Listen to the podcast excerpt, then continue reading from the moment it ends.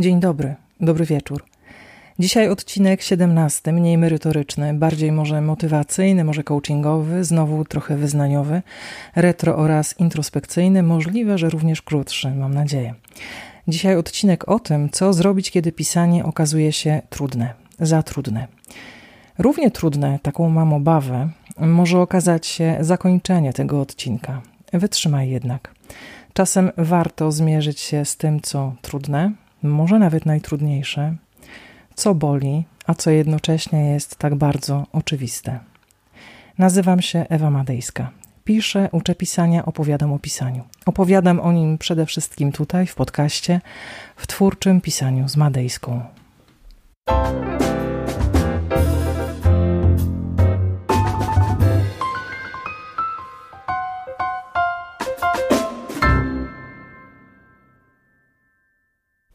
Wydaje mi się, ale języka nie dam sobie za to uciąć, że to chyba Katarzyna Bonda wspominała, że pisanie zawsze wiąże się z bólem, że każdą opowieść należy wyrąbać strzewi, a później spisać krwią, potem i flakami. Takiego użyła sformułowania flakami. Że przy pisaniu trzeba cierpieć, że emocje trzeba wyrywać z jelita cienkiego i grubego jednocześnie. Otóż nie, nie trzeba. Naprawdę nie trzeba. Gdyby wszyscy pisali trzewiami, oddziały gastroenterologiczne w szpitalach byłyby pełne cierpiących artystów, którzy inspiracji szukaliby w fenomenalnych doświadczeniach kolonoskopii lub rektoskopii. To, że pisanie jest zawsze, podkreślam, zawsze trudne, to mit, który odbiera pisaniu prostą radość i jeszcze prostszą lekkość. Ale uwaga, nadmiar pisarskiej radości lub lekkości może prowadzić do grafomanii. Mnie interesuje to, co znajduje się między twórczym męczeństwem a twórczą kompulsją. Interesuje mnie normalne pisanie. Bo zdarza się bowiem, że takie pisanie rzeczywiście staje się trudne, że aspirujący pisarz, aspirująca pisarka spotyka się z trudnościami. A czasem wytrawny pisarz, wytrawna pisarka, doświadczony pisarz, doświadczona pisarka. Co wtedy? No właśnie. Podzielę się kilkoma refleksjami, może bez znaczenia, które wiążą się przede wszystkim z moimi trudnościami. No ale nie tylko. Mam wrażenie, że większość z nich jest wspólnym udziałem wielu pisarzy, wielu pisarek. Po pierwsze, przyczynę mniej więcej 75% trudności stanowią trudności warsztatowe. Moim zdaniem, podkreślam, moim zdaniem, wiążą się one ze źle zaplanowanymi, nieprzemyślanymi celami, pragnieniami i motywacjami protagonisty oraz antagonisty. Prawie zawsze tutaj, w tym miejscu procesu twórczego, znajduje się źródło większości, jeżeli nie wszystkich tak zwanych blokad pisarskich. W takich sytuacjach zawsze, ale to zawsze sprawdzam cel i pragnienie protagonisty oraz antagonisty oraz ich wpływ na strukturę historii. To zawsze działa. Naprawdę zawsze działa. Zadaję sobie również właściwie bez ustanku pytanie sprawdzające. To pytanie brzmi: co by było gdyby? Stawiam pod ścianą bohaterów i wszystko, co jest z nimi związane wszystkie wątki po kolei, wszystkie relacje. Drążę do skutku, dopóki nie znajdę konfliktu i napięcia, które wprawią historię w ruch. Co by było gdyby? To pytanie uwalnia kreatywność, nawet jeżeli pierwsze odpowiedzi wydają się głupie i mało prawdopodobne. Zapisuj wszystkie.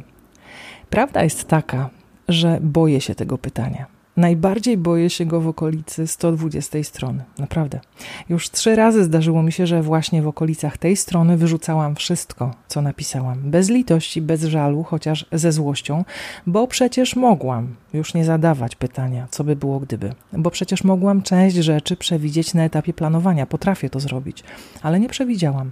I to jest normalne, ponieważ wiele razy o tym mówiłam, pisanie jest jak podróż, podczas której mapy wiodą w inne niż zaplanowane miejsca a twórczy GPS przestaje działać. Nie ma znaczenia, jak bardzo wytrawnym pisarzem, jak bardzo doświadczoną pisarką jesteś. Będziesz błądzić. Wszyscy błądzą. Wszyscy pakują się w ślepe uliczki, ciemne zaułki, cuchnące bramy. Wszyscy. Tylko nie wszyscy o tym mówią, lub prawie wszyscy o tym nie mówią. Kiedy znajdziesz się na manowcach, kiedy poczujesz, że nie posuwasz się do przodu, że twoja historia robi się miałka, że przestajesz rozumieć swoich bohaterów i w związku z tym odkładasz pisanie z dnia na dzień lub w ogóle przestajesz pisać, za to zaczynasz sobie wmawiać, że cierpisz na blokadę pisarską, uspokój się, wyluzuj. To nie jest blokada pisarska. Zresztą osobiście nie wierzę w blokady pisarskie. To jest zwykła trudność, podkreślam, trudność, którą łatwo rozwiązać przy pomocy naprawdę prostych narzędzi. Te narzędzia, i tu znowu będę jak zdarta płyta, wiem, przepraszam, to cel, pragnienie, motywacja bohaterów oraz zasadnicze miejsca w strukturze powieści. Ciągle o tym mówię. Ciągle o tym mówię.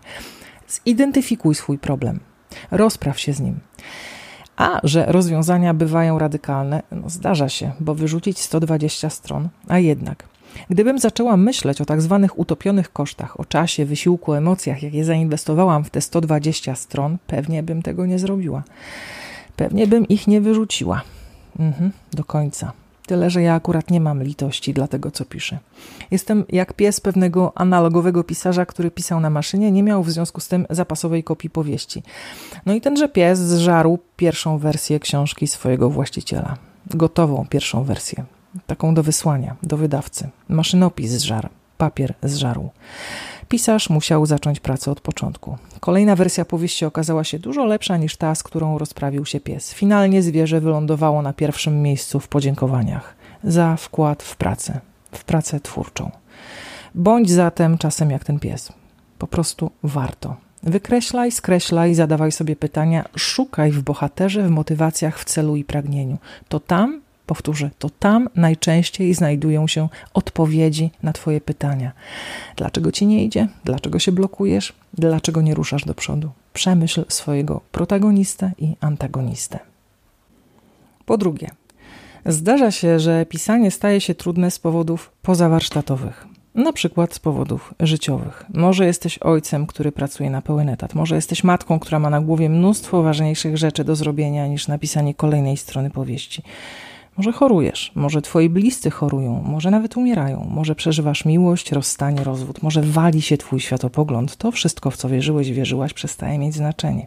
I to wszystko są ważne rzeczy. Trudno z tym dyskutować. Ale nad wszystkim, co powyżej, nie masz kontroli i nie będziesz mieć. Pogódź się z tym. Poczucie kontroli to iluzja, to podstawowy błąd poznawczy.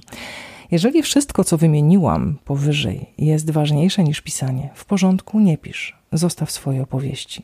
Jeżeli wszystko, co wymieniłam powyżej, jest ważniejsze niż pisanie tylko przez jakiś czas, daj sobie miesiąc, dwa, rok, dwa lata, trzy lata, przeżyj, co musisz przeżyć, a potem zrób, co musisz zrobić. Wróć do pisania. Taki powrót może się jednak okazać trudny. Co możesz zrobić? Zaakceptuj to, co się wydarzyło. Może będziesz mógł, mogła wykorzystać twórczo swoje doświadczenia. Dalej, jeżeli wrócisz do pisania, spróbuj ustalić codzienną rutynę, ale bez szaleństwa. Niech to będzie na początek pół strony znormalizowanego maszynopisu, niech to będzie kwadrans nad tekstem, niech to będą odręczne zapiski. Tyle wystarczy. Sprawdzaj powoli, co możesz zrobić, czego nie możesz zmienić. Twórz własne pisarsko-logistyczne strategie. Obiecuję ci, że w końcu zaczną działać, o ile ty zaczniesz działać. Wspominałam, że debiutancką książkę pisałam w wolnych chwilach między pracą w korporacji a samotnym wychowywaniem dwóch córek. Moja rutyna była bolesna, pobudki o 3.30 nad ranem, ale skuteczna. O pobudkach zresztą już za chwilę. Po trzecie, mogą pojawić się trudności wynikające z braku dyscypliny. Pewnie słyszałeś, słyszałaś, że w życiu pisarza, pisarki dyscyplina wykracza daleko poza komputer, biurko, notatnik, że życie i sztuka wpływają na siebie bardziej niż ci się wydaje. Jeżeli nie zadbasz o siebie na poziomie fizycznym, emocjonalnym, mentalnym czy duchowym, możesz być pewien, pewna, że trudności w pisaniu pojawią się. Wcześniej albo później, ale się pojawią. Wiesz najlepiej, w których miejscach relacji ze sobą, z własnym ciałem, z własnymi nawykami, z rodziną, przyjaciółmi, może nawet z Bogiem odpuszczasz najbardziej i w których miejscach najmocniej potrzebujesz dyscypliny. Nie będę się mądrzyć, ponieważ sam sama doskonale wiesz, co zaniedbujesz i w jaki sposób Twoje zaniedbania przekładają się na twórczą robotę oraz co możesz zrobić, żeby rozwiązać swoje problemy. Możesz ćwiczyć, medytować, pójść na terapię, wyjechać do aśramu. Możesz ewentualnie zamknąć się na kwadrans w łazience z woskowymi stoperami w uszach i udawać, że krzyk dzieci dobiegający za drzwi to szum morskich fal. Czego robić nie warto? Powiem ci, ale to jest tylko i wyłącznie moje zdanie. Moim zdaniem W moim przekonaniu nie warto dyscyplinować się na siłę, wedle wskazówek zawartych w popularnych podręcznikach o sile woli albo o fenomenie poranka. Ściel łóżko, wiedz spokój, pij szklankę wody, ćwicz rano, medytuj nad mapą marzeń, wizualizuj realizację celu, zapisuj co trzeba w dzienniczku wdzięczności itd., tak itd. Tak to znaczy, możesz to wszystko robić, oczywiście, że tak. Nawet na siłę. W końcu pierwsze prawo wtyczkodynamiki mówi, że każda wtyczka pasuje do każdego gniazdka przy użyciu odpowiedniej siły. Sprawdź, do czego cię to doprowadzi. Tylko po co? I tu anegdota o fenomenie poranka, o pobudkach. E, uwielbiam poranki, uwielbiam każdy świt. Ten moment między nocą a dniem kiedy jest najbardziej zimno i najbardziej ciemno, lecz po chwili całkiem inaczej. Uwielbiam pracę o tej porze. Uwielbiam kreatywność, która budzi się do życia na granicy snu i jawy. Uwielbiam klarowny, przejrzysty umysł w porannej równowadze. Nie, już nie uwielbiam. Uwielbiałam. Moją miłość do mistycznych chwil przed świtem załatwiła trzecia córka. Od urodzenia jest sówką. Od zawsze o 22 zaczyna życie towarzyskie. I co? I to, że kiedy ląduję w łóżku po pierwszej w nocy, choćbym chciała, nie wstanę do roboty o 3.30, a już na pewno nie po to, żeby medytować nad mapą marzeń, która po dwóch, trzech godzinach snu wygląda jak wielka czarna dziura, a dzienniczek wdzięczności zamienia się w dzienniczek wściekłości. I co? Właściwie powinnam czuć się winna, że nie jestem zdyscyplinowana, że nie robię przed dziewiątą rano tego, co robią ludzie sukcesu. Może nie robię, a może robię. Robię to z całą pewnością między 11 a 16. To jest mój rytm. To jest moja nowa rutyna. Dbaj więc o siebie, myśl o sobie, ale nie walcz z tym, z czym nie wygrasz i tak nie wygrasz, ani z tym, co wymyka się spod kontroli. Bo ja, ja na przykład nie zmienię rytmu dobowego mojej córki. Chciałam, próbowałam, skończyło się to małą katastrofą. Nie zmienię tego, że jestem córką starzejących się rodziców i że rezygnuję z własnych spraw, aby ich wspierać coraz częściej. Nie zmienię tego, co myślą i mówią na mój temat inni chociaż prawdopodobnie nic nie myślą i nic nie mówią, jest dużo więcej, dużo bardziej interesujących tematów. Nie zmienię tego, że mam mnóstwo obowiązków poza pisaniem. Robię jednak to, co mogę w tych warunkach, jakie mam. Godzę się na to, że nie mam kontroli nad wszystkim, ale też wiem, że mam wpływ. Wpływ na to, co myślę, czuję i robię. I w granicach właśnie tego wpływu, w granicach tego, co myślę, czuję i robię, ustalam dyscyplinujące mnie działania. Znajdź klucz do swojej sytuacji. Znajdź klucz do siebie. Znajdź klucz do swojego twórczego rytmu. Znajdź klucz do swojej dyscypliny. Znajdź klucz do swojej motywacji. Ale musisz to zrobić sam, sama. Tylko ty wiesz, czego potrzebujesz. Tylko ty wiesz, jak ogarnąć swój świat. I tu kolejna anegdota. Pamiętam, że kiedy pisałam pierwszą książkę, zatrzymałam się mniej więcej w połowie. Z całą pewnością brakowało mi wówczas warsztatu. Naprawdę, brakowało mi warsztatu. I nie mogłam ruszyć. Ani słowa dalej. Ani słowa dalej. Ale, ale pewnego dnia po środku rozgrzebanej katonieli usłyszałam historię pisarza Rubena Gonzalesa Galileo. Jego ojcem był Hiszpan, matką Rosjanka, sam zaś Ruben od początku był dzieckiem niechcianym, porzuconym, wychowywanym w domach dziecka, a nawet w domach starców w byłym ZSRR. Prawdopodobnie z powodu niepełnosprawności. Cierpiał, wciąż cierpi na porażenie mózgowe. W 2005 roku Galileo debiutował autobiograficzną powieścią pod tytułem Białe na czarnym. Powieść tę napisał wskazującym palcem lewej dłoni. Litera po literze. Całą powieść. Jednym palcem. Dotarło do mnie z całą mocą, że skoro Galileo mógł, to ja też mogę. Dziesięcioma palcami. A że nie miałam warsztatu, tym się specjalnie nie zmartwiłam, ponieważ oprócz warsztatu nie miałam również pojęcia, że aż tak bardzo mi go brakuje. Skończyłam książkę. I to jest motywacja. Kiedy uświadomisz sobie, że masz tak naprawdę wszystko, żeby zacząć i żeby skończyć swoją powieść, przestajesz roztrząsać przeszłość, przestajesz martwić się przyszłością. Więc się zdyscyplinuj. Umów się ze sobą na to, co możesz oraz ile możesz w ramach swoich zobowiązań. Na dobry początek wyłącz wszystkie powiadomienia w komputerze i telefonie. Na pół godziny, na godzinę, na dwie, na cały dzień. To możliwe. Od czegoś trzeba zacząć, a potem uruchom 10 palców. I w końcu po czwarte. A w po czwarte są trudności związane z przerwami w pisaniu. Naturalne trudności, a za naturalne uznaję te warsztatowe i te życiowe, a nawet te z dyscypliną, sprawiają, że robisz sobie przerwy od pisania. Przerwy też są naturalne w sumie. Z mojego doświadczenia, ale tylko z mojego doświadczenia, ty możesz mieć inne, wynika, że przerwa w pisaniu dłuższa niż tygodniowa staje się źródłem problemów i kolejnych trudności. Bo powrót do pracy okazuje się bardzo bolesny z wielu powodów. Najważniejszy z nich to niebezpieczny dystans emocjonalny, jakiego nabiera autor, autorka, dystans, jakiego ty być może nabierasz w stosunku do swojego, tu otwieram cudzysłów, dzieła i zamykam cudzysłów. Ten dystans sprawia, że na niedoskonałą pierwszą wersję powieści albo na drugą, zależy nad którą pracujesz, zaczynasz patrzeć z perspektywy redaktora lub czytelnika. I tu się zaczyna przygoda. Zauważasz błędy, wady, niedociągnięcia tego, co napisałeś, napisałaś, ba. Często zaczynasz się wstydzić tego, co stworzyłeś, stworzyłaś.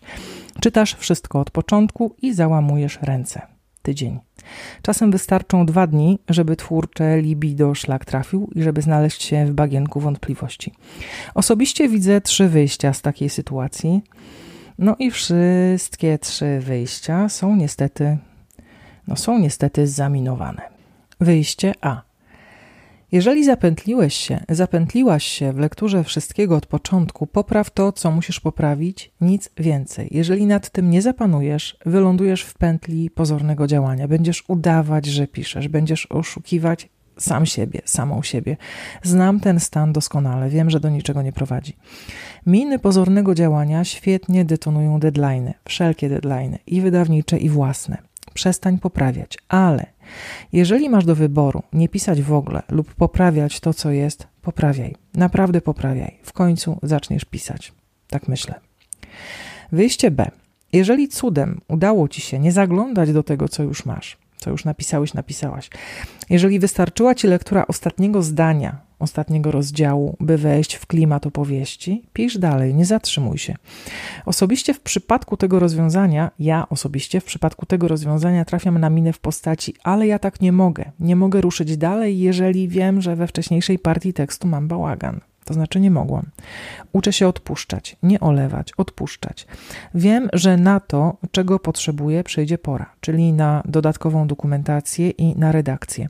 Tutaj detonatorem miny okazują się notatki. Jeżeli właściwie diagnozujesz braki w książce, rób przypisy, rób odniesienia, notuj wszystko, co musisz sprawdzić, co dopisać, co wykreślić, najlepiej odręcznie albo w osobnym pliku. Zrobisz to. Zrobisz to, kiedy skończysz pierwszą wersję poprawisz, doczytasz, dopiszesz, wyrzucisz, wykreślisz. I w końcu wyjście C.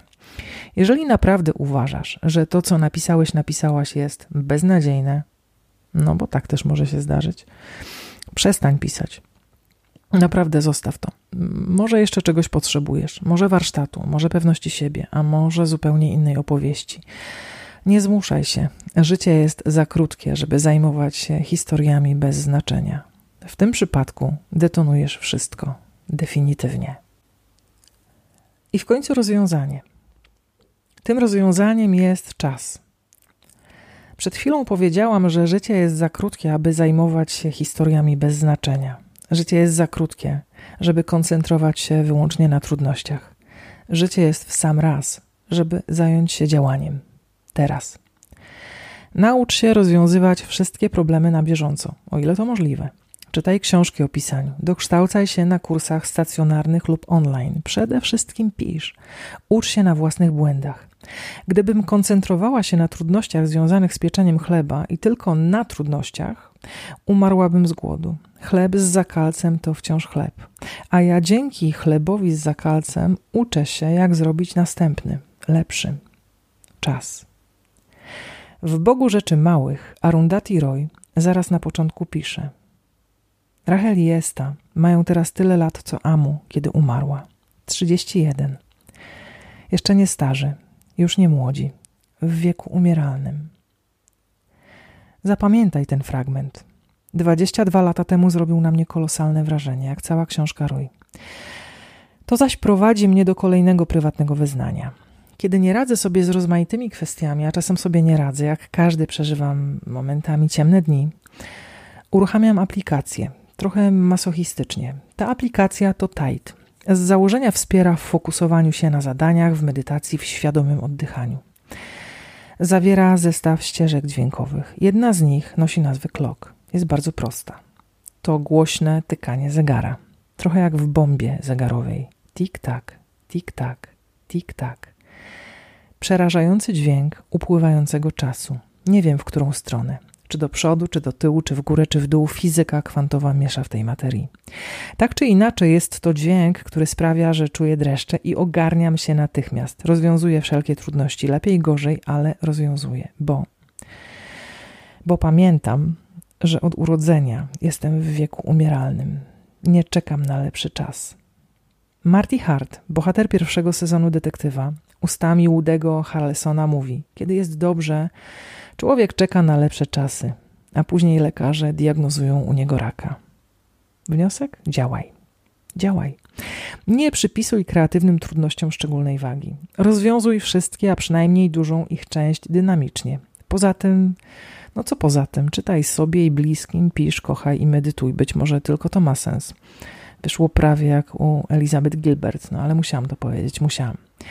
Co jeszcze ma sens? No może trzeci sezon serialu Dark o zawirowaniach w czasie i przestrzeni. Podobno warto.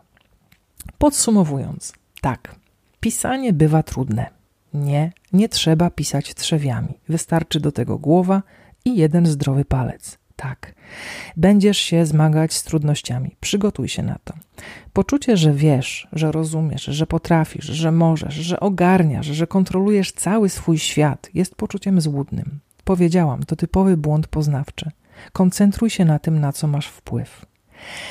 Nie, nie możesz ulegać trudnościom, chyba że chcesz, wtedy możesz, ale to już inna opowieść, twoja własna. Ja nie będę się w nią wtrącać. I to chyba wszystko na dzisiaj. Dzięki, że mnie wysłuchałeś, wysłuchałaś. Podziel się tym podcastem z innymi. Będzie mi bardzo miło. Odwiedź mnie na Facebooku facebook.com łamane przez Ewa Madejska. Napisz do mnie, jeżeli masz ochotę. Kontakt małpa ewamadejska.pl Słyszymy się po raz ostatni przed moim sierpniowym urlopem 24 lipca, za dwa tygodnie. Tymczasem do widzenia. Dobranoc.